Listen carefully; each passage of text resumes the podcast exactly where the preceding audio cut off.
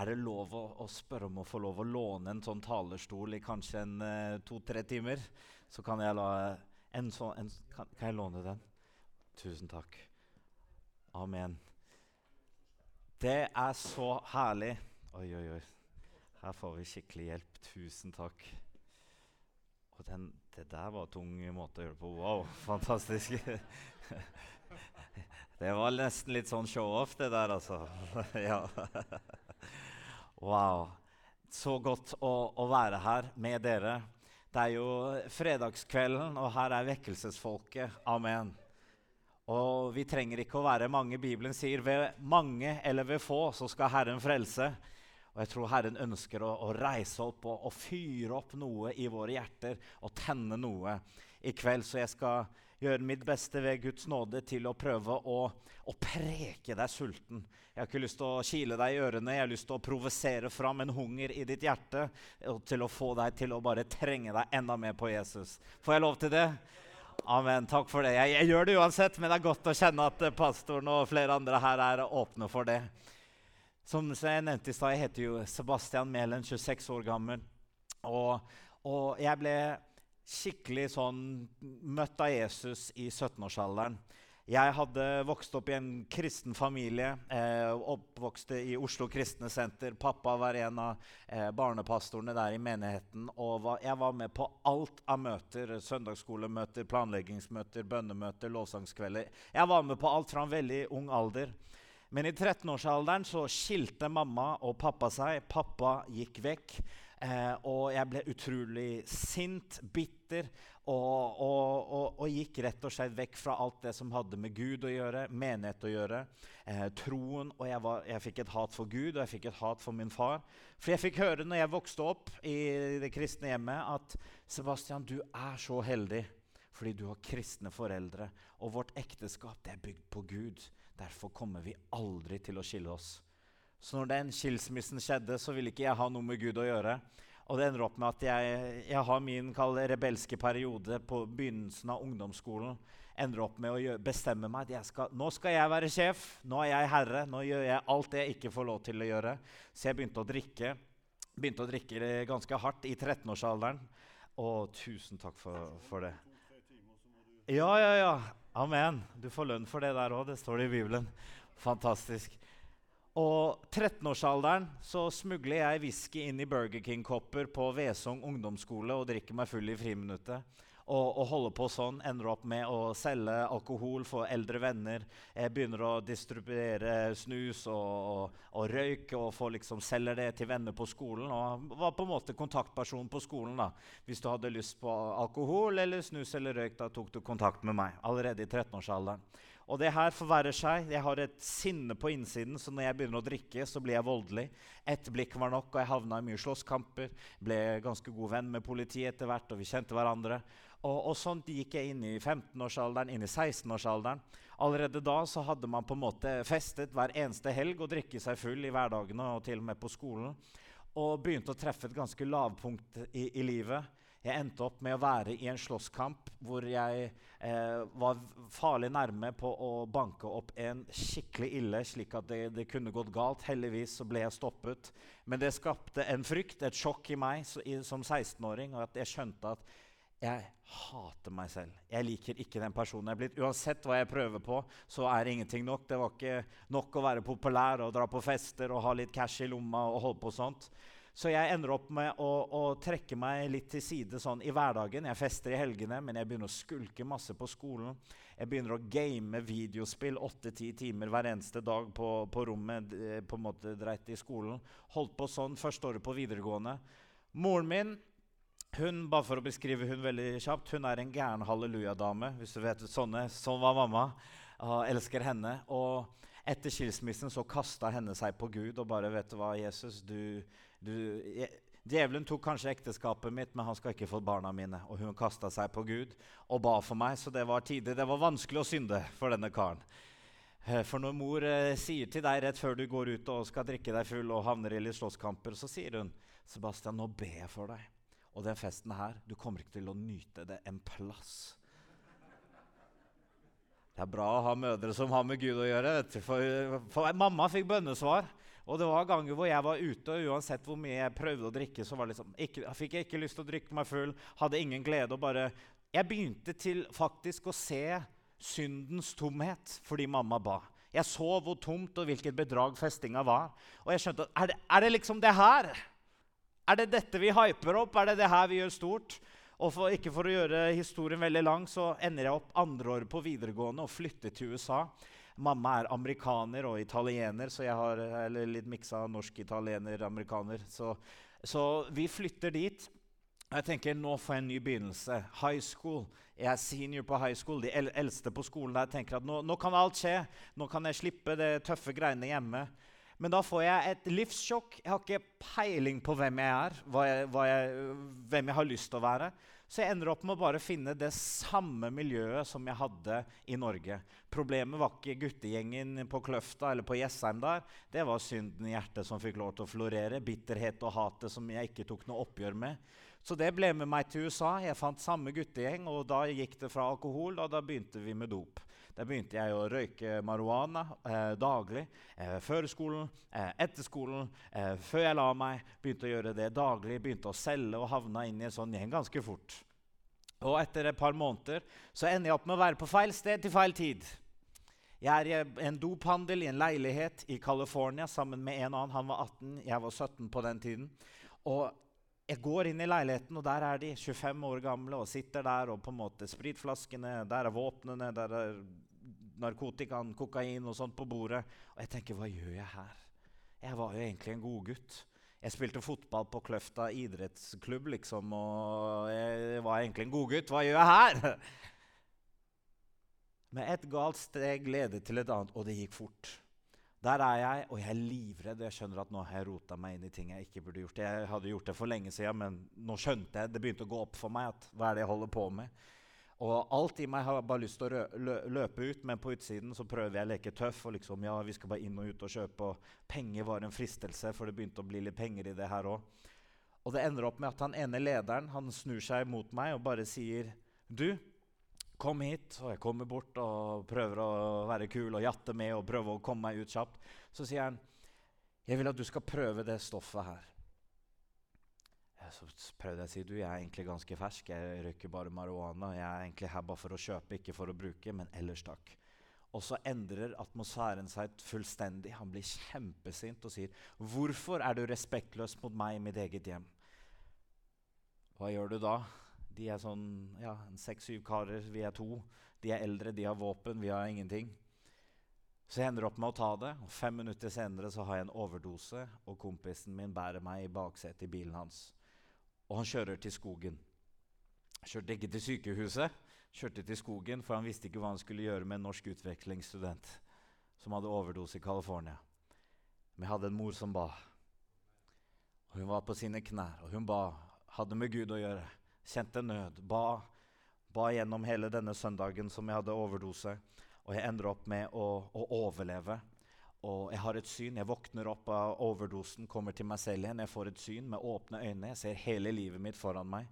Og jeg kan se når jeg er fem år gammel, når jeg er på gård, jeg kan se når jeg er seks år gammel på første fotballkamp. Og så får, ser jeg hele livet, og så plutselig ser jeg elleve år gamle Sebastian på Sjøglimt leirsted sammen med OKS-gjengen med en sånn barneleir. Og så ser jeg at det er en av lederne som deler Jesus. Og så kan jeg se elleve år gamle Sebastian komme fram på en sånn frelsesinnbydelse. Og så begynte jeg å gjenoppleve den følelsen som jeg opplevde som elleveåring i det synet. Og jeg begynner å skjønne hva jeg har løpt fra, hvem jeg har rømt fra. Og jeg roper til Jesus. Jeg våkner opp av det synet og roper til Gud og sier, 'Gud, jeg er villig til å gjøre hva som helst.' 'Jeg trenger deg. Hjelp!' Jeg vet ikke hva jeg gjør. Ingenting skjedde der og da i den bilen, annet enn at det var en bestemmelse i mitt hjerte at jeg må få taket på sannheten. Koste hva det koste vil. Så neste uke så er jeg en filosof, kan du si. Hva er meningen med livet? Jeg slutta å ruse meg, og da kunne du virkelig tenke, faktisk. Det var litt sprøtt, det der. Plutselig kunne jeg tenke og hadde klare tanker og tenkte hvorfor er jeg her? Hvis Gud fins, hvem skapte Gud? Bare Det kverna på innsiden og tankene. Og, og jeg, jeg, jeg, stilte de riktige spørsmålene for første gang. En uke senere jeg har en edru uke, og så tar mamma meg med på møte. Søndagskveld. I, i, i California. Det er en menighet som heter Jesus Culture. 17.00 er vi på dette møtet. Kommer inn og går inn døra og setter meg bakerst. Og det var en atmosfære i rommet, og det skremte meg. For jeg skjønte var, Lovsangen hadde ikke begynt, møtet var liksom ikke i gang. Det var bare mingling og snakking før møtet, men det var en atmosfære. Det var helt uvant for meg, men jeg fikk syndenød, og jeg skjønte at det er noen større enn meg i dette rommet her. Og jeg tenkte, hva gjør jeg her? Jeg er en skikkelig synder. Jeg vet at det jeg har gjort, er galt. Jeg burde ikke være her. Jeg hadde lyst til å gå ut døra, men jeg opplevde at jeg skal gi Gud én sjanse. Du får dette møtet. Eller så prøver jeg andre religioner. Jeg var helt seriøs. Jeg skal gå til kristendommen først, for det var det jeg opplevde jo noe som elleveåring. Så der satt jeg, møtet kommer i gang, lovsangen, og så kommer informasjonen sånn som vi hadde i stad. Og i informasjonsprekena hadde Gud lyst til å invadere mitt liv. Pastoren begynner å dele. Neste uke skal vi ha barbecue, og vi skal gjøre det ene og det andre. Og så plutselig ser han ut på salen, og så sier han det her. Gud talte til meg nettopp nå. Det er en ung mann i dette rommet her. For en uke siden så ropte du til Gud og sa du var villig til å gjøre hva som helst for å komme tilbake til ham. Når du var 13 år gammel, så gikk du vekk fra Gud, og det har vært en konstant kamp over livet ditt siden den dagen. Og hjertet bare det var pil fra himmelen. Traff blink. Og han var ikke norsk, han var amerikansk. Så han sa, 'Hvis du er denne unge mannen, reis deg opp nå, så skal Gud møte deg.' Og alle sammen, vet du Ser seg rundt 500 i salen, og jeg kommer under adrenalin og overbevisning og alt du kan kjenne på. Og hjertet dunker, og jeg vet at jeg vet at jeg vet. Det er meg. Gud kaller mitt navn. Ingen visste at jeg hadde bedt den bønnen i bilen. Han kaller meg ut foran alle og ber meg om å reise meg opp. Jeg hadde så lyst! Jeg klarte ikke i meg selv å reise meg, så jeg ber en bønn i stolen min. Og jeg sa, 'Gud, jeg har lyst til å reise meg opp, men jeg tør ikke.' Og da hører jeg en stemme for første gang i mitt liv, høylytt på innsiden, som sier, 'Sebastian, jeg elsker deg. Stol på meg og reis deg opp.' Og da var det som om hele mitt indre ble fylt med den varmen igjen. Og jeg reiser meg opp og jeg rekker opp hånda kanskje i, i to sekunder, får øyekontakt med pastoren. Og så bare kommer Guds kraft og kjærlighet, og jeg vet ikke hva som skjedde. Men jeg, det, jeg går rett ned i bakken. Ingen tok på meg, jeg bare faller. Og jeg ligger der, og jeg hulkegråter. Og det føltes ut som det var bølger med varmt vann som kom i, i runder igjen og igjen. Bare kom og skylte over meg. Og jeg bare kjente at jeg er tilgitt. Jeg er elsket. Jeg visste at jeg møtte med Gud. Jeg visste dette er alt det jeg har lett etter i livet. Og jeg skjønte at nå er det et helt nytt liv. Jeg ble fylt med Den hellige ånd uten at jeg visste det. Neste dag så begynte jeg å tale i tunger. Hadde ikke peiling på hva det var. Måtte spørre mamma om hjelp, og hun forklarte det. Og det var en total forvandling. Den kvelden der, det var 16. november 2014 snart ni år siden. er det ikke det? Er det hvilken dato? Er det 17. Hvor går det? Oh, wow, det har jeg glemt å feire. Holdt det bursdagen min. Wow, Ni år med Jesus nå. Totalt fri. Ikke noe alkohol, ikke noe rus siden den dagen. Amen. Halleluja. Og jeg ba en veldig farlig bønn, en bra bønn. Vi liker farlige bønner. Og På slutten av det møtet så reiste jeg meg opp og jeg på en måte gikk inn i lovsangen på siste sangen der, og så sa jeg, Gud, nå vil jeg leve 100 for deg. Jeg vil ikke gjøre hva som helst. Og så la jeg til, og hvis du har lyst til å bruke meg sånn som den mannen på scenen i kveld, så er jeg villig. Vet ikke hvorfor jeg ba det. Det tror jeg var en inspirasjon fra Den hellige ånd. Men lite visste jeg at Gud ville ta det veldig på alvor. Følte meg aldri som en predikant eller en evangelist, men da våknet det en brann på innsiden. Ingen som underviste meg eller lærte meg i begynnelsen der, men jeg begynte å vitne med én person hver eneste dag på skolen. Jeg kjente at det skal jeg gjøre. Så det siste halvåret på, i USA så jeg, hadde jeg en greie med Den hellige ånd. Vis meg personen i dag. Og så talte vi, Skolen hadde 3000 elever, så det var jo mange å velge mellom. Men da var det alltid en ny person. Jeg fikk lov til å lede han ene doplangeren, ene kompisen min, til frelse. Eh, på slutten av året, og så mye herlige ting skjedde. Fikk lov å lede vaskehjelpen til bestemor til frelse. Det var første. ja, det var veldig herlig. Oi, oi, oi. Og jeg bare merket at wow, jeg har lyst til å gi dette videre. Nå har jeg endelig hensikt. Nå vet jeg hvorfor jeg er her. For jeg hadde vært så på. Jeg var liksom han som fikk unnskyld uttrykket, guttungen din eller sønnen din eller broren din eller vennen din til å begynne å drikke og ruse seg og gjøre dumme ting. Jeg var han som fikk folk til å gjøre det. Men nå hadde plutselig det å få folk til å gjøre ting hadde fått en mening. Og det var å gi evangeliet og gi dem et genuint møte med Gud.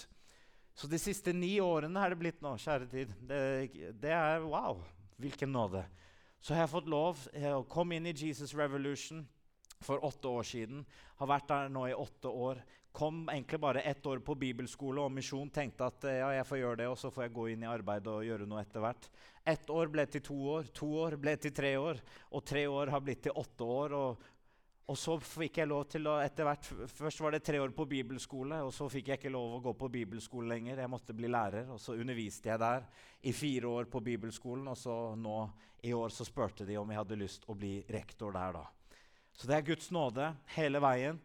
Eh, også eh, i sommer, eh, februar til juni, så gjorde vi noe i Jesus Revolution vi har aldri gjort før. Vi reiste alle sammen sammenhengende sammen til 48 nei, 49 land i Europa. Vi reiste i 4,5 måneder, 32 500 km i bil! det var ganske vilt. Og vi fikk lov, og eneste ønske vi hadde, var å sette brann i Europas ungdom. Vi må tenne den brannen. Vi må se at kristne kommer på plass med Gud igjen, gjør justeringene, vender seg om, kommer inn i den førstekjærlighetsbrannen med Gud igjen, får en personlig møte med Den hellige ånd og får Jesus som herre og frelser. Og så må vi utruste dem til å nå sine medmennesker. Så det gjorde vi. Vi dro ut. Og til vår store overraskelse vi var, vi var, høyt og lavt. Vi var i små menigheter i Serbia, som var kanskje halvparten av den seksjonen der. ikke sant? Og inni der var det liksom 60-70 eh, folk liksom trangt inni et rom. Og der hadde vi vekkelsesmøter. Mange ble frelst og fylt med Den hellige ånd og helbreda. Og så fikk vi være i sånn megachurch i Polen, og der var det eh, litt over 1000 ungdommer og mange som møtte Gud. Og vi fikk lov å se Europa. Og vi fikk se det med brillene at det er åpent. Høsten er moden. Det er en hunger, en genuin lengsel. Alt ligger klart for vekkelse. Så vi følte at vi på en måte vi sådde noen frø, og vi ber om at Gud sender flere og vanner de frøene, og at vekkelsesilden skal virkelig begynne å spre seg i Europa. Så det som skjedde med meg etter å dra 48-9 land i sammenhengende, det var ikke bare det vi, det vi, gjorde og det vi virket i, og det vi fikk se av helbredelser og mirakler og mange som ble frelst. Det var det som skjedde på innsiden. Plutselig begynte jeg å få en nød for Når jeg gikk rundt i Londons gater, og du så fortvilelsen bare du gikk rundt du bare, Plutselig fikk jeg den nøden som jeg har hatt for Oslos ungdom. Som jeg har sett gangstermiljøene og disse festemiljøene osv. Plutselig fikk jeg nød for Londons ungdom. Og så plutselig er du i Polen, og så får du nød for polske ungdom. Og så for hvert land så begynte Gud å bare knuse hjertet for mer enn bare ens egen nasjon. Og vi begynte å se på Europa ikke bare som mange forskjellige land, men som et kontinent som Gud ønsker å invadere. Og vi er for hele verden, altså visjonen er hele verden. Men vi har bare sett at åh, vi må se at Europa får lov til å oppleve en vekkelse. Det har vært så mye krig og fordervelse, og vi skal ikke bare mørkmale det. Men det ligger klart for vekkelse.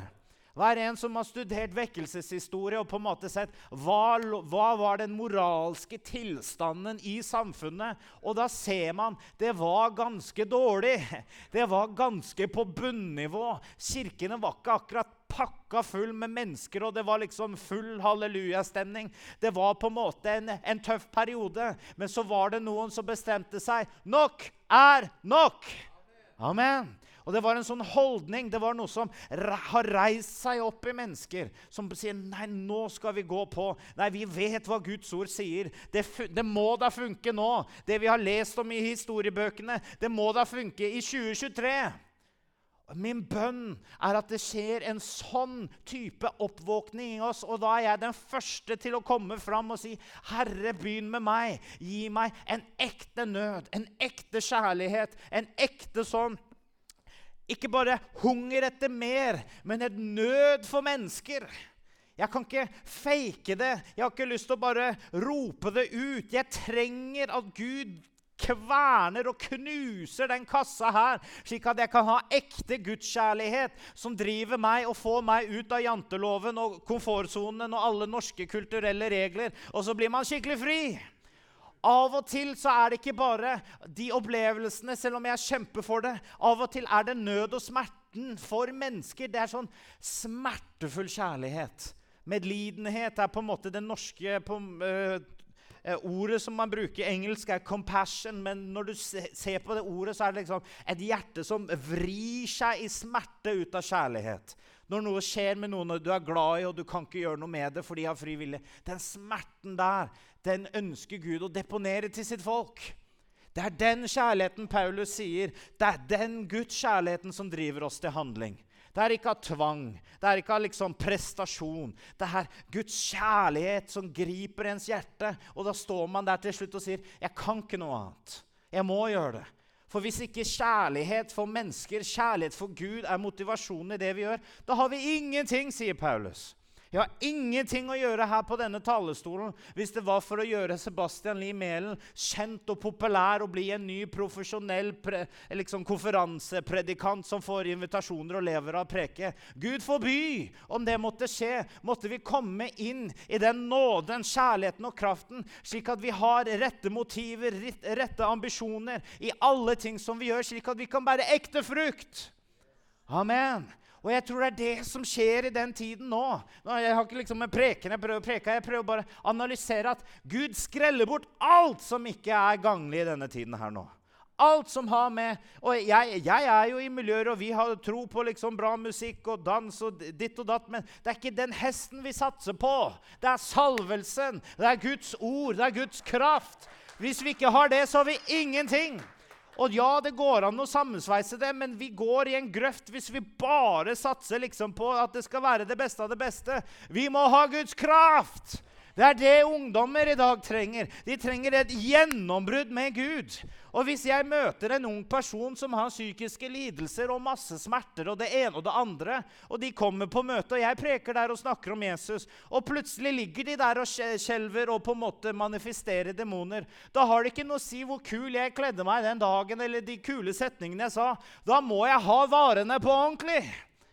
Da må jeg ha salvelsen som er i Jesus, som vi får ved Den hellige ånd. Og jeg må bruke autoriteten i Jesu navn til å kaste det greiene ut. For det er det de trenger. De trenger ikke bare en ny kristeninfluenser som er på en måte morsom og populær. De trenger mennesker fulle av Den hellige ånd og ild. Amen. Så jeg håper du er med på denne bølgelengden her, for det er ikke sånn at vi prøver å angripe alt som er liksom fornyet, så lenge det originale, urgamle evangeliet, salvelsen og kraften i Gud får alltid være på en måte det vi satser på. Og selvfølgelig Guds ord. Det er ikke noe kompromiss med denne boka her. Det har alltid stått, det har alltid stått skrevet, og vi trenger ikke å diskutere det som står skrevet over på linjene. Gjør vi det, da har vi gått i en annen grop. Gud hjelpe oss i Jesu navn. Amen. Halleluja. Så det her var min introduksjon. Nå håper jeg du er klar for prekenen her. Halleluja. Jeg elsker Jesus. Vi elsker Jesus her i dag, gjør vi ikke det? Jeg har et budskap. Jeg har lyst å provosere deg på en god måte. Oi, oi, oi. Ja Gud hjelpe meg.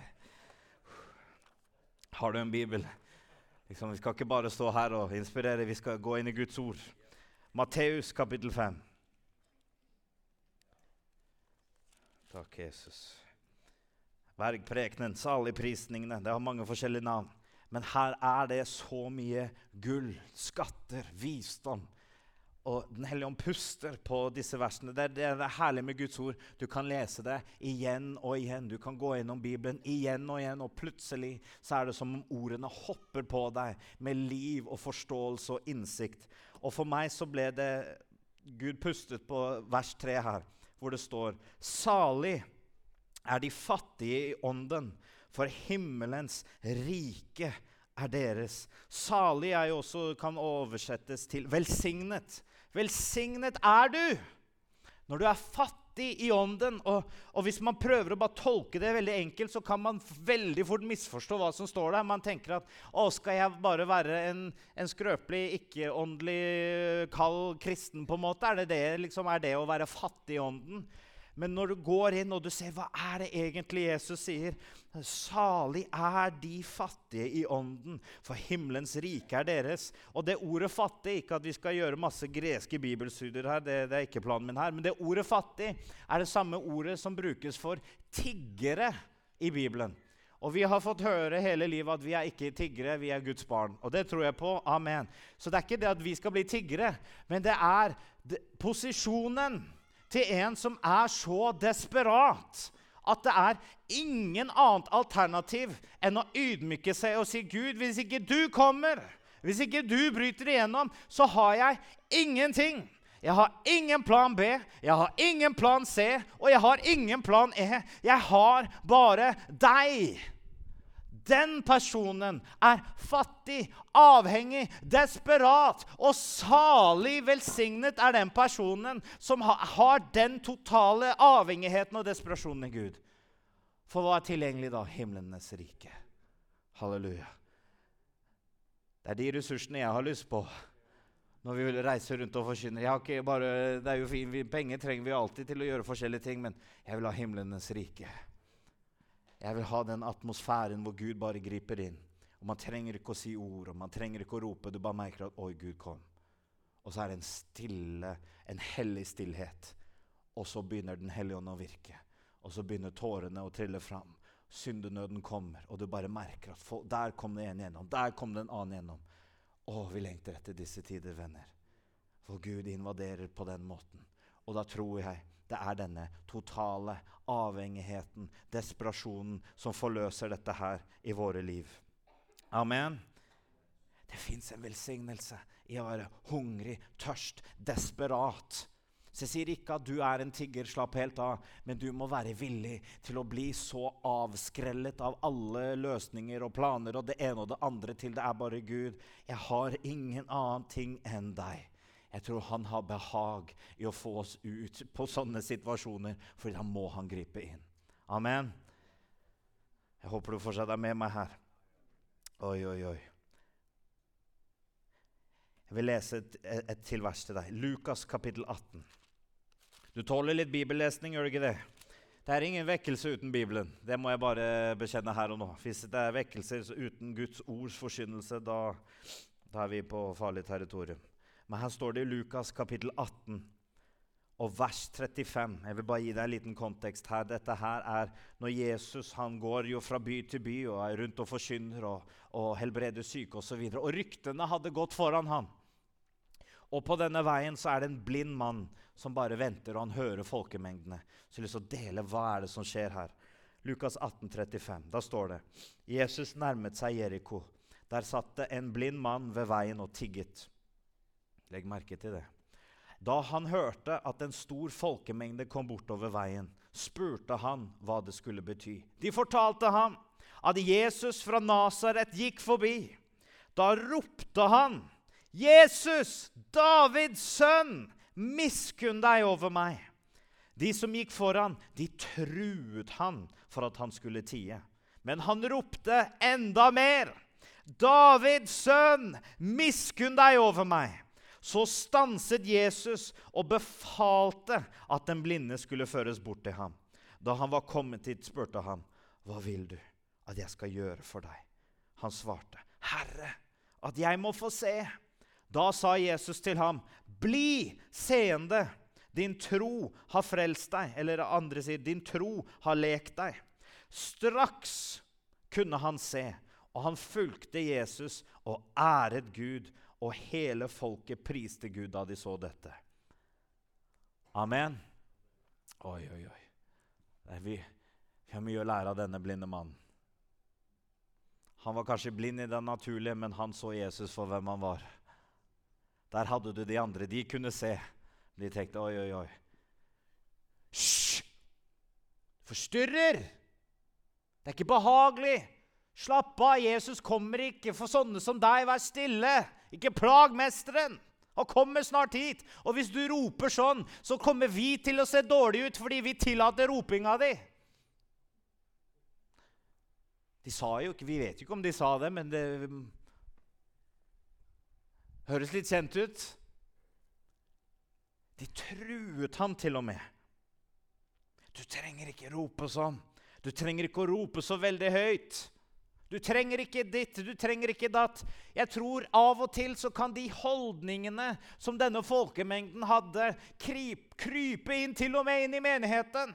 Plutselig har det noen som har sett Jesus for hvem han er. De har fått en frisk åpenbaring en fornyelse og har bare blitt oppslukt i Gud. Og så kan vi av og til være så raske med å si sånne ting som det her. Oi, oi, oi, oi, oi. Slapp nå av. Dette her er bare bryllupsreisefasen av kristendommen. Det her varer bare kanskje to, tre, kanskje til og med fire uker. Men etter hvert så kommer det her til å gå over. Og når det da har gått over, da vil vi bare forberede deg på at liksom, du kommer ikke til å føle noe. Ting kommer til å gå tilbake som normalt. Og da vil vi ikke at du skal bli så skuffa, siden du er så brennende, og det er så bra og herlig å se at du er så gira for Jesus nå. Men vi vil bare forberede deg på livet. At det, det, det, liksom, det der kommer til å gå bort en eller annen gang. Vi gjør jo ikke det her i Norge, men i andre land i Europa så har, pleier de å gjøre litt sånn. Sånne holdninger som kryper inn, som prøver å kvele. Plutselig noe som nå er sjansen min! Nå reiser seg på innsiden av denne blinde mannen. Han tenkte, 'Jeg har én sjanse!' Tigget har jeg gjort hele livet mitt. Ikke har det hjulpet. Ikke har pengene gitt meg hensikt. Det har kanskje matet magen min og hjulpet meg til å komme meg dag etter dag. Men han trengte mer enn bare penger. Han trengte et møte med Gud. Og de folkene som kunne se, som kunne tenkt én pluss én der er en blind mann. Der er han som helbreder blinde. Kanskje vi burde hjelpe de å møtes. Men istedenfor så blir man sånn Oi, oi, oi, oi, oi, oi. Hvem tror du at du er som roper sånn på møtet og ber litt sånn frimodig og tror at det der kommer til å funke? Her har vi popkornbønner. Du ber maks ti sekunder, og så er det neste person.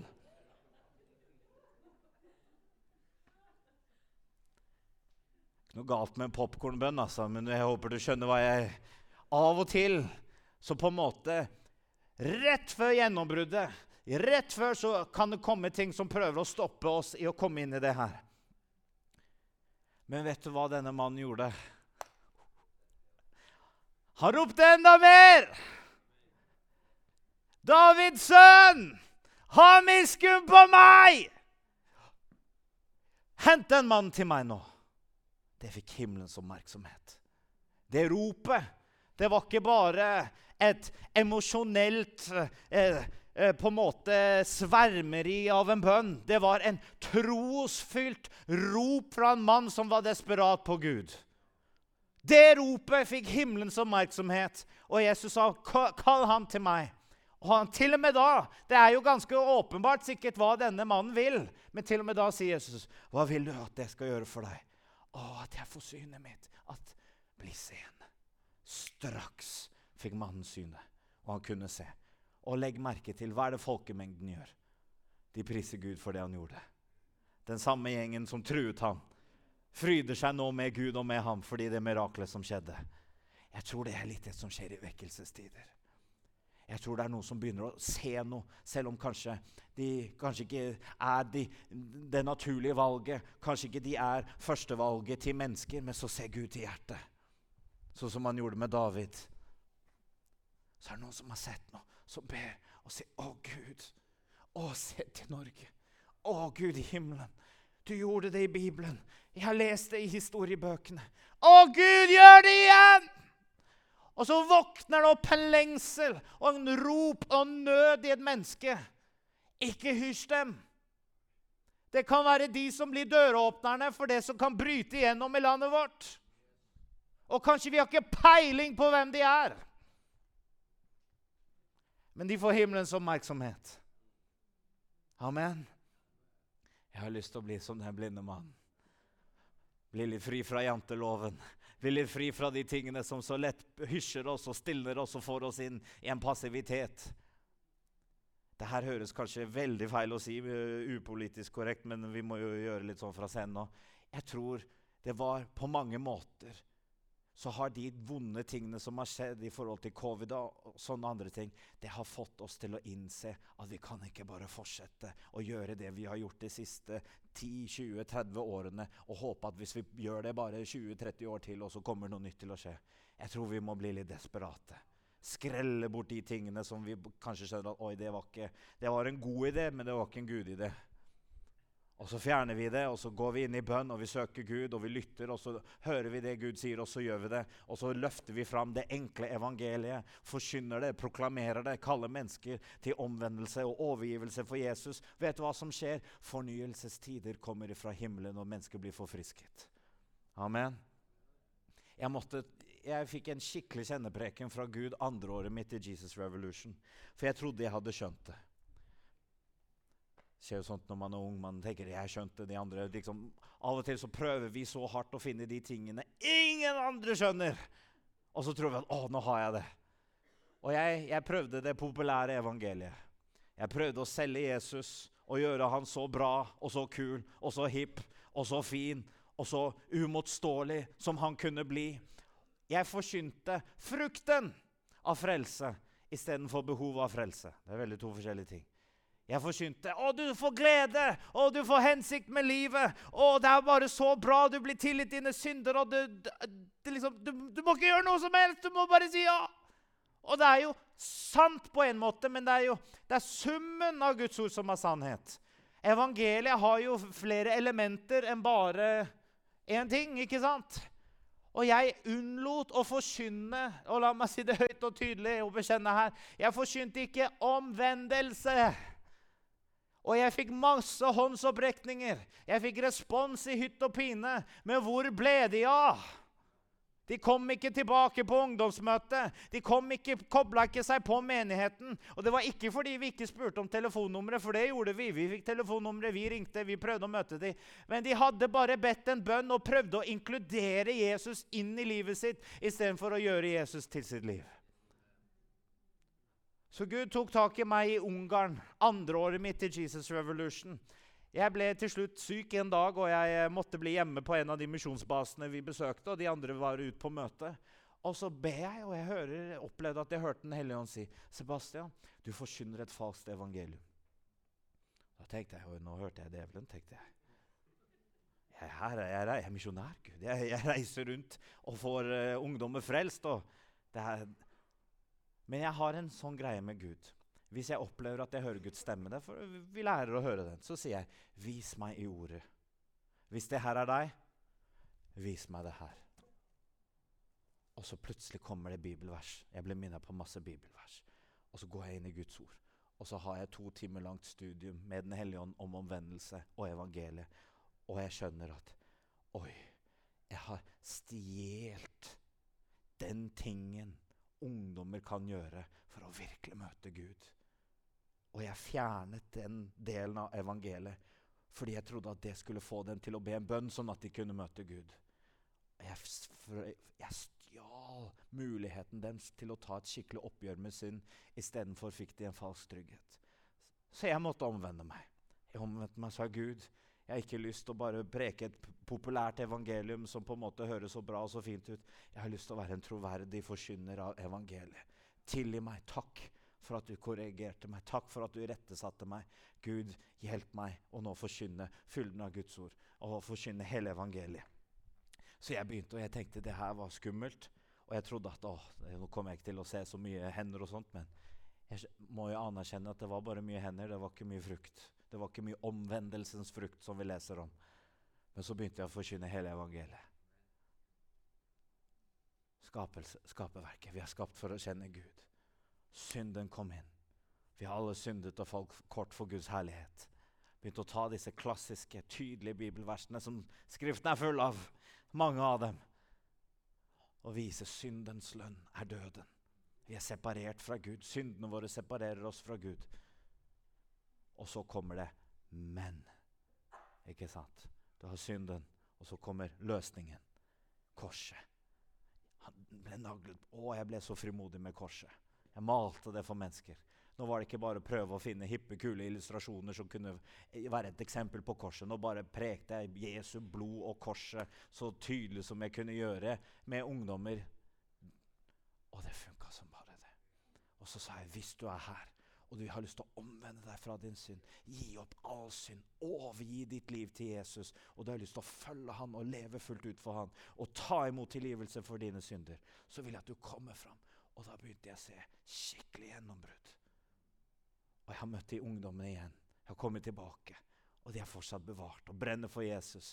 Begynner de å reise på misjonturer og Herre.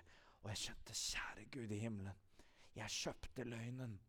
Jeg trodde at jeg måtte bli så proff og en så god kommunikator for å vinne min generasjon.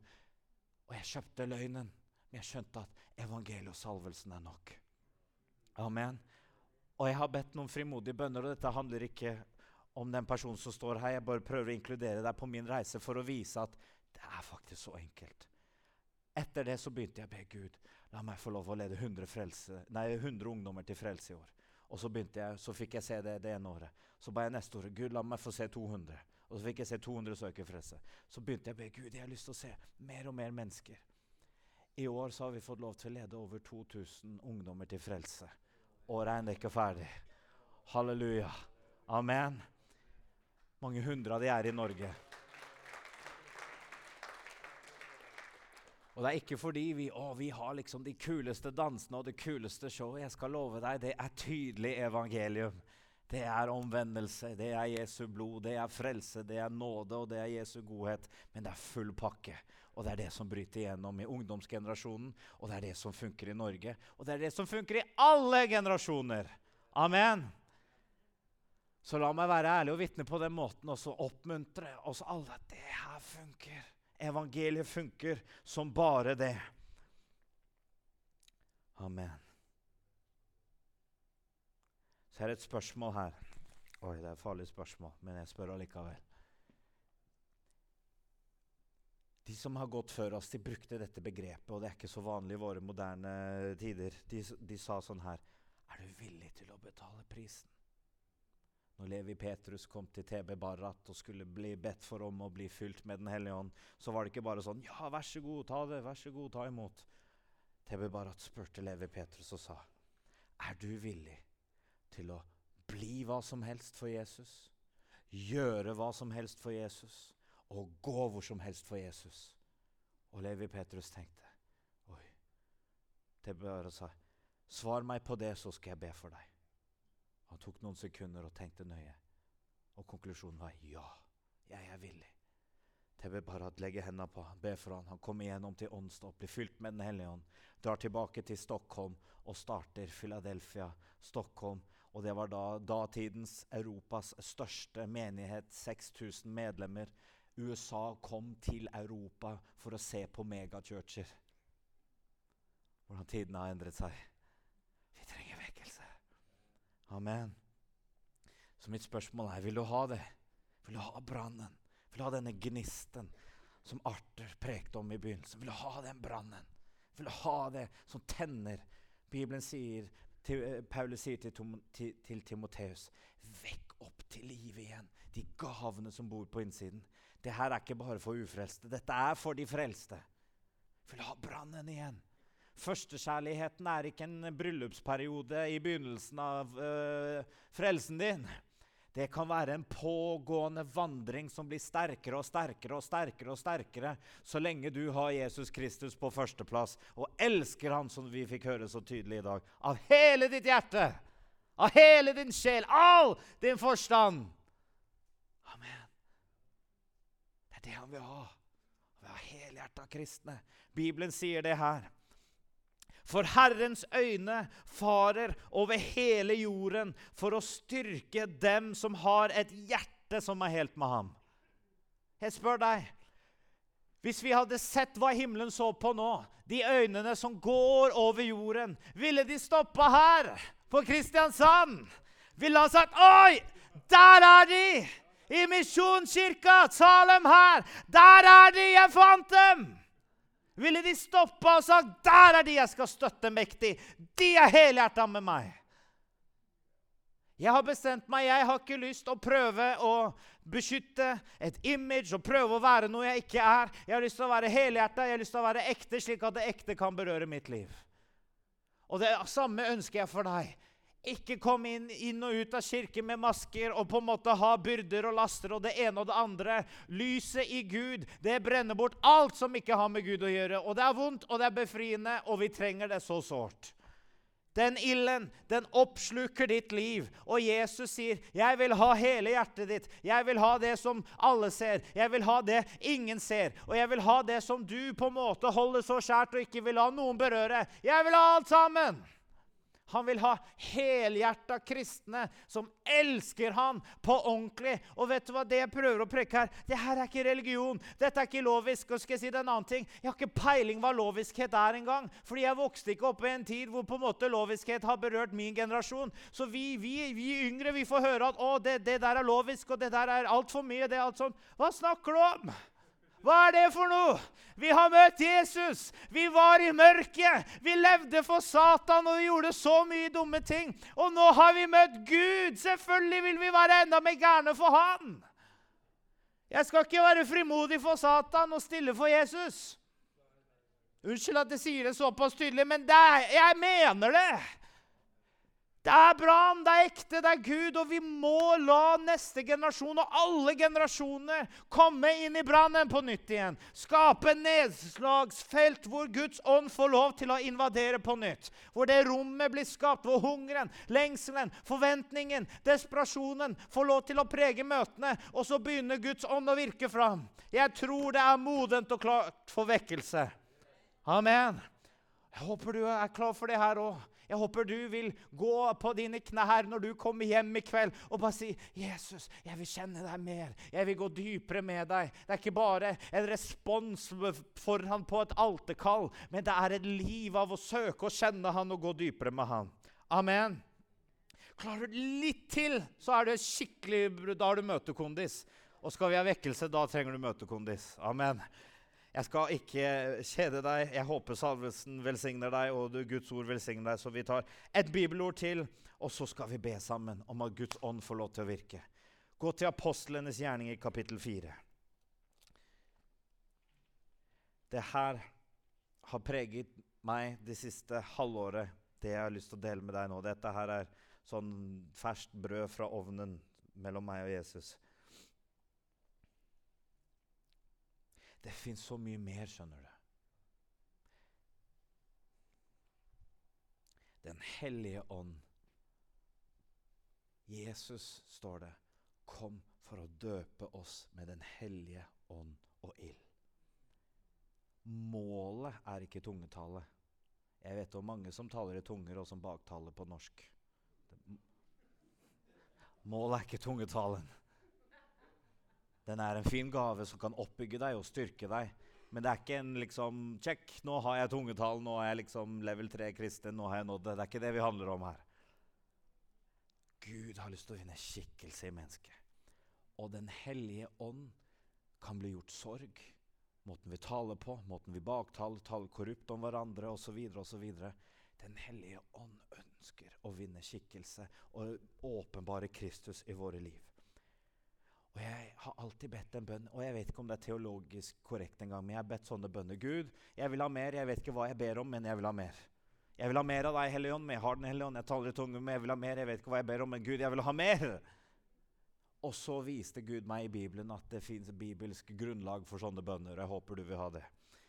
Apostlenes gjerninger, kapittel 4 og vers 29. Konteksten er Peter og Johannes de gikk til eh, tempelet, og der var det, en, var det en lam mann som satt og tigget. Nok en gang. Tigger. Det er noe som skjer. Gud ønsker å åpenbare noe i de tingene der. Der satt en mann og tigget. Han ville ha penger. Og han ser på Peter og Johannes. Forventet, nå skal jeg få noe. Og så Peter bøyer seg ned og sier, sølv eller gull, det har jeg ikke. Men det jeg har Bare tenk den setningen. Det jeg har, det gir jeg deg. Det var ikke stolthet. Det var ikke liksom Se på meg, liksom. Jeg har noe i Gud. Gud har gitt meg noe, og det skal jeg gi til deg. I Jesu Kristi Nasarerens navn. Reis deg opp og gå. Og mannen begynte å gå. Det var et stort undermirakel. De religiøse lederne på den tiden ble så sinte, kalte Peter og Johannes inn på teppet og forbød dem. Dere får ikke lov å forkynne oppstandelse. Dere får ikke lov å forkynne Jesu navn. Vi forbyr dere. Og så sier Peter, vi kan ikke annet enn å forkynne og vitne om det vi har sett og hørt. Vi kan ikke noe for det. Om det er rett for dere eller for Gud, så må vi gjøre det. Amen. Å, det er godt med overbevisning og brann i hjerter. For da tør du å stå imot strømmen når alle ber deg om å Hysj! Ikke si noe. Truslene kommer. Men hva er det som skjer? De ble truet, de ble kastet ut, og så står det de gikk til sine egne. Og de hadde et salig bønnemøte. Og det det skal, Dette her er essensen av bønnen. Vers 29. Jeg leser høyt for deg. Her står det Herre, Legg merke til truslene deres, og gi dine tjenere å tale ditt ord med all frimodighet. Idet du rekker ut din hånd til å helbrede, at tegn og under skjer ved din hellige tjener Jesu navn. Og da de hadde bedt, skalv stedet hvor de var samlet. Og de ble alle fylt med Den hellige ånd og talte Guds ord med frimodighet. Amen. Dette var de samme kara som ba i kapittel 2, som ble fylt med Den hellige ånd første gang. Her ba de igjen. Det var ikke en ny åndsdåp, de, men det var en opplevelse med Den hellige ånd, og de ble fylt med mer. Det var en kontinuerlig fylde, og de fikk del i den. Og hva skjedde etterpå? De fikk mer frimodighet til å gjøre det de skulle gjøre. Og Jeg får lyst til å be denne bønnen i vår tid, for jeg, jeg, jeg, mener det som predikant. Så kan du av og til nesten føle deg liksom at du blir bundet. Liksom. Noen ganger så sier du 'Vær så snill, ikke bruk uh, ordet Jesu blod, ikke snakk om synd'. 'Vær så snill, liksom ha en ti minutters andakt'. Uh, 'Ungdommene klarer ikke å holde ut så lenge. Vær så snill', ditt ene og det andre. Og så tenkte jeg, Kjære tid, vi trenger jo gjennombrudd, og de trenger jo mulighet for å la ordet gripe dem. Liksom, vi skal ikke stå her oppe og være TikTok-predikanter og prøve å gi en preken på 30 sekunder hele tida. Vi skal forkynne og proklamere Guds ord. Og jeg merker av og til at det er så kamp. Fordi du har liksom strømninger at å, vær litt kul og vær litt populær. og liksom sånn det ene og det andre, og Du bare merker at ja, men ungdommene trenger et møte med Gud. De trenger ærlighet, de trenger tydelighet, de trenger kraft, de trenger opplevelser med Gud. Og så ser du det som skjer i Norge. Du har liksom det med pride, og du har masse andre greier. Og det er så mye forskjellige krefter som prøver å liksom utfordre. Har Gud virkelig sagt? Og så merker du at disse tingene de kryper seg inn blant blant ungdommene. De kryper seg inn i mange forskjellige menigheter, inn i pinserekker og masse andre rekker. Det banker på døra, og så merker du at enten så kan man på en måte rygge litt og på en måte Ja, ja, jeg, liksom, jeg skal ikke være imot, men jeg, jeg på en måte, jeg, jeg, trenger ikke å rope det ut. Jeg trenger ikke å være tydelig med Guds ord. Og du merker det er en kamp. Du merker at det ideologiske, det politiske, alt det prøver å stilne Kirken. Og da merker jeg når jeg leser disse ordene, at er bare sånn Å, Gud! Se på tilstanden i Norge, Herre. Se til din menighet. Gi oss frimodighet, Herre, slik at ikke vi rygger unna når vi skal reise oss opp. La oss være sannhetens støtte og grunnvoll i denne tiden. Og jeg merker at en, det er én ting vi kan gjøre. Enten rygger vi og er stille, eller så reiser vi opp fulle av nåde, fulle av sannhet og kjærlighet. Men vi rygger ikke en centimeter på Guds ord. Og det merker vi. Det er en kamp akkurat nå. Amen. Og her ser du de hadde samme kamp. Skal vi forkynne evangeliet eller ikke? Skal vi bøte med livet eller ikke? Så hva ba de? Gud, gi oss frimodighet. Og hva sier de? Se på truslene, Gud. Du ser hva de sier. Du ser hva de truer oss med. Gud, gi oss mer frimodighet, så vi klarer å stå i dette presset så vi klarer dette trøkket. Salv oss, Herre. La tegn, under og mirakler. La det være så tydelig at ikke de kan benekte at du lever. Amen. Jeg tror vi må be sånne bønner igjen i Norge. Ikke bare at vi har liksom gode debattanter og kommunikatorer og det ene og det andre, men at vi får kraft fra himmelen, frimodighet til å gjøre det vi skal gjøre, og si det vi skal si, og demonstrere Guds rike i Norge. Amen. Jeg tror på det her. Og Det er derfor jeg vet at vekkelse det står for døra. Og vi har oppskriften, og vi kan enten gå inn, eller så kan vi gå ut. Og det er litt det som er invitasjonen her. Vil du ha det sånn på ordentlig? Vet du hva du sier ja til? Jeg har ikke lyst til å romantisere vekkelse. Jeg har ikke lyst til å på en måte bare Å, det er så fint og sånn. Jeg vil ha det, og jeg vil gå hele veien. Og jeg vet Gud er nådig, og han gir oss kraft til å gå inn i det. Men det er alltid noen mennesker som bare sier OK, Gud, jeg vil gå all in. Og de blir nesten som døråpnere som åpner vekkelsen, så andre også kan bli velsignet. Så mange mennesker som vi fikk høre har fått blitt berørt av det som har skjedd i Vigeland. Men det begynte med at noen bare OK, ja, vi skal ha litt møter. Ja, men vi fortsetter. Ja, men vi pusher på litt til. Og så åpna de døra. Og mange ble velsigna. Men det var noen som gikk inn først. Det var noen som tenkte ja, men er du med? Vi tror på at alle skal være med, men jeg tror noen må gå hele veien også. Jeg tror faktisk på at det er enkeltmennesker også som kommer til å gå hele veien med Gud. Som kommer til å åpne døra og betale prisen, oppleve gjennombruddet. Og så kommer mange andre til å koble seg på, og så kommer det ting til å spre seg. Men jeg tror at det kan bryte gjennom ved at noen går veien først. Det er grunn til at jeg eh, nevnte f.eks. TB Barrat, ikke fordi at jeg, at jeg nødvendigvis prøver å, å, være som han, eller noe sånt, men han var så sulten på Gud at han dro til USA. Skulle egentlig ha pengeinnsamling til liksom, arbeidet sitt. Hørte rykter om vekkelse i Los Angeles, i Susa Street. Var på hotellrommet sitt i New York i tre måneder og var på sine knær og ba og overga kone, barn, tjeneste, false, dårlige ambisjoner i tjeneste. Gud, rens hjertet mitt. Og til slutt så kom han gjennom. Ble fylt med Den hellige ånd, kom hjem, og det bryter gjennom i Norge. Jeg er glad for at han brukte tre måneder på hotellrommet. Skjønner du hva jeg prøver å si? Han åpnet døren, han gikk veien. Han sa 'nok er nok', og jeg vil oppmuntre deg. Vær en sånn en i vår generasjon.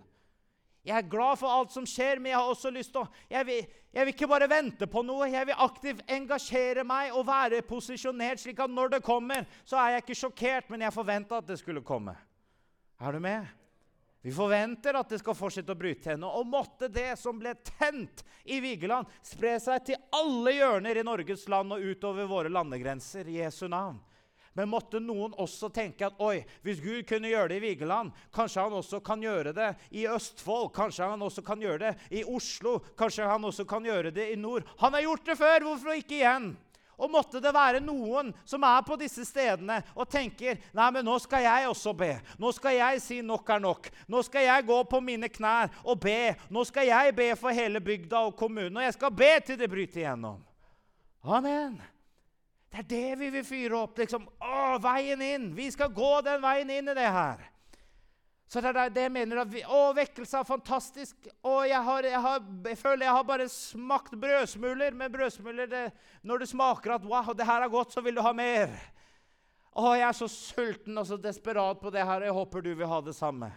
Og Det er derfor jeg prøver å provosere deg litt og, at, og vise deg det fins mer.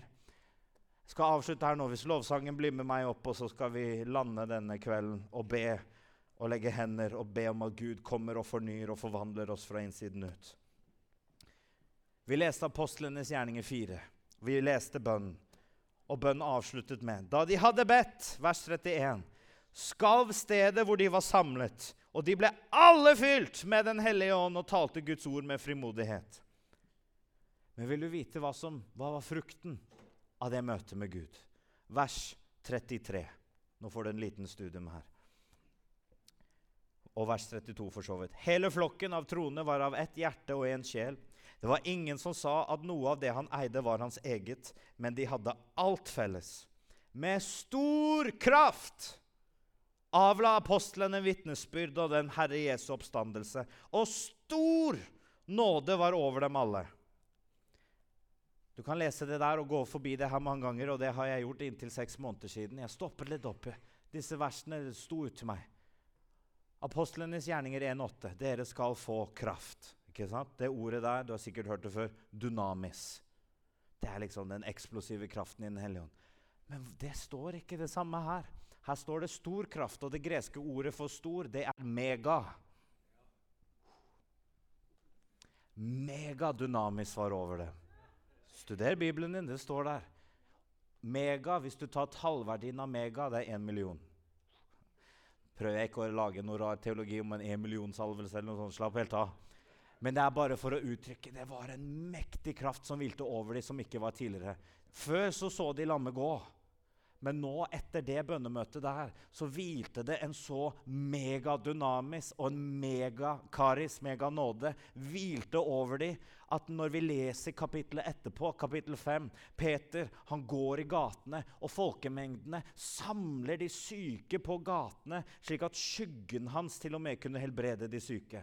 Og det står ikke bare 'gaten', det står 'gatene'. Og da var det ikke bare folkemengden var 3000 eller 5000. Nå bruker de ordet 'skarer', fordi folkemengdene er så store at du klarer ikke å finne liksom, riktig tall for å beskrive folkemengdene. Og det sto alle som var syke som kom til dem, ble helbredet. Alle. Og dette her var ordinære mennesker. Dette var disiplene som sto i dette her. Men det var en kraft megadynamisk. Jeg håper du er sulten på mer. Skjønner du hvorfor jeg sier at det handler ikke bare om å tale litt i tunger, men det er å gå en vei i Gud og bare Å, Herre, treng, jeg vil trenge meg på. Ikle meg med din kraft, ikle meg med, med din salvelse. La meg få komme tettere på ditt hjerte. La meg få bære en velduft som denne verden trenger. Og når du bærer det, så er det noe mer enn bare litt inspirasjon fra deg selv. Men det er nåde, kraft, kjærlighet fra Gud. Grunnen til at jeg deler disse versene, er for å vise deg det fins så mye mer. Å, jeg er så sulten. Kapittel 2 til kapittel 4 i apostlenes gjerninger er ca. 1-2 år. Så det er, det er, jo litt distanse mellom de to hendelsene her. Men de betrengte seg på. Jeg har lyst til å være som den tiggeren i kveld. Jesus, se til oss her i Norge. Vi takker deg for alt som har skjedd, vi takker deg for alt som rører seg, og ting som begynner å komme. Men Herre, vi trenger mer. Det er ikke fordi vi er utakknemlige, men fordi vi vet hvor viktig det er at dette sprer seg og rører bygd etter bygd, by etter by. At det går fra nord til sør, fra øst til vest. Det trenger å berøre hele landet. Amen. Og det her er det vekkelsesropet. Det her er den nøden, det her er den brannen som Gud ønsker å vekke deg i kveld. Så vi kan alle reise oss opp her til slutt nå. Og vi skal be, og jeg har lyst til å be med et litt kanskje spesielt utgangspunkt her. Elia han kom til Elisha og sa, 'Nå skal jeg snart dra.' Men hvis det er noe du har lyst på, så, så, så, kan vi be sammen, og så kan det hende at Gud gir det til deg. Og Elisha sier, 'Jeg vil ha en dobbel porsjon av den salvelsen som hviler over deg.' Og Elias' umiddelbare respons er, 'Du spør om en vanskelig ting.' For Elia vet den veien han har gått. Han vet de kampene han har kjempet. Han vet det trøkket han har stått i. Han vet at det var ikke bare liksom en fin forbønn og bang, vær så god, du har det. Han gikk en vei i Gud. Han opplevde depresjon og hadde selvmordstanker i ørkenen etter stor seier. Han opplevde tøffe ting. Men Gud kom og møtte han i ørkenen, ga han til med kake. Det står det. Rosinkake. Fantastisk. Av og til så trenger vi det. Amen. Gud vet hva vi trenger. Men Elia visste jeg har gått en vei. Det du spør om, er ikke bare noe jeg knipser og jeg kan gi deg. Men hvis Gud tillater deg å se meg når jeg går opp, når han tar meg opp igjen, så skal du få det. Og så kommer Gud med denne virvelvinden av ild og hester og henter, henter Elia. Og denne kappen blir igjen som et symbol på salvelsen. Og det er mye her jeg ikke får mulighet til å legge ut nå, men det som ender opp med, er at han tar denne kappen. Men det var ikke nok. Det var ikke nok å bare ta på kappen og få tittelen som den nye presidenten for profetskolen til Elia. Han kommer til Jordanbredden, hvor de hadde krysset vannet overnaturlig. Og han møter den samme utfordringen. Der står vannet. Og hva gjør han? Han ser til himmelen, og han sier, 'Hvor er Elias Gud?' Og så tok han den kappen som han hadde fått, og han slo det på vannet. Og så delte det seg, og han gikk gjennom. Det var ikke bare nok å få en liten forbønn og få liksom en kappe eller en tittel. Han trengte den samme guden som Elia hadde. Og det er min bønn. Det er ikke bare 'nå skal vi be', og 'vær så god, nå har du vekkelse'. Men jeg vil be om at du får taket på Gud, og Gud får taket på deg. At det skjer en connection, et møtepunkt, hvor Guds kraft kan gripe inn i ditt liv, og at du begynner på en vandring slik at du aldri blir den samme igjen. Det fins mer. Spør ikke bare nødvendigvis er du frelst her i kveld. Men jeg spør er du sulten på mer. Er du desperat på mer? Er du sånn som meg som kjenner at åh, nok er nok? Vi kjenner presset, vi ser det, og vi skal ikke bli politikere på den måten. Er du kalt til det? Bli det. Skjønn meg rett, altså. Men vi skal også kjempe troens gode strid. Vi skal gå for det. Vi skal stå opp for Jesus. Vi skal være på riktig side av historien når den blir skrevet nå. Amen. Jeg vil ikke sitte stille. Jeg vil ikke gjemme meg unna. Jeg vil ikke trekke meg unna når Gud sier 'reis deg opp'. Og Det er et sånt møte nå, det er et sånt punkt i tiden i Norge og fremover at mye herlig skal skje. Masse gjennombrudd. Men det er midt i mørket så er det stort lys og gjennombrudd, og det kommer til å være parallelt. Så jeg håper du vil være med. Så det jeg kommer til å spørre deg om nå, det er ikke for å hype noe opp eller gjøre noe sånt. Det er for din egen del, hvis du bare kjenner jeg ønsker å ta en bestemmelse. Jeg ønsker opp og trenge meg på. Det er flott, alt det vi gjør. Konferansemøter de har sin tid og sin hensikt. Men treng deg på. Det er ikke lovisk. Det er kjærlighet. Det er, det er ganger jeg har bedt Gud. Jeg føler ingenting nå. Jeg kan være på dette rommet her. Men jeg vet at du hører meg, jeg vet at du ser i det skjulte. Og jeg vet at hvis jeg er her og jeg søker deg, så vet jeg at du vil forvandle meg. Og så har det vært ganger hvor Gud har bare kommet og overraska meg på rommet. Det har vært så nydelig, så hellig, vanskelig å finne ord. Men jeg trengte meg på. Jeg har hatt perioder, tøffe ting har skjedd. Og spesielt hvis du vil gå hele veien med Jesus, skal jeg love deg et par ting. Du kommer til å bli skuffet. Du kommer til å bli såret. Du kommer til å ha gode grunner til å trekke deg tilbake og sette deg på sidelinjen. Men jeg vil spørre deg, vil du reise deg opp igjen? Vil du trenge deg på en gang til? De drømmer, de visjoner som du har fått, kanskje.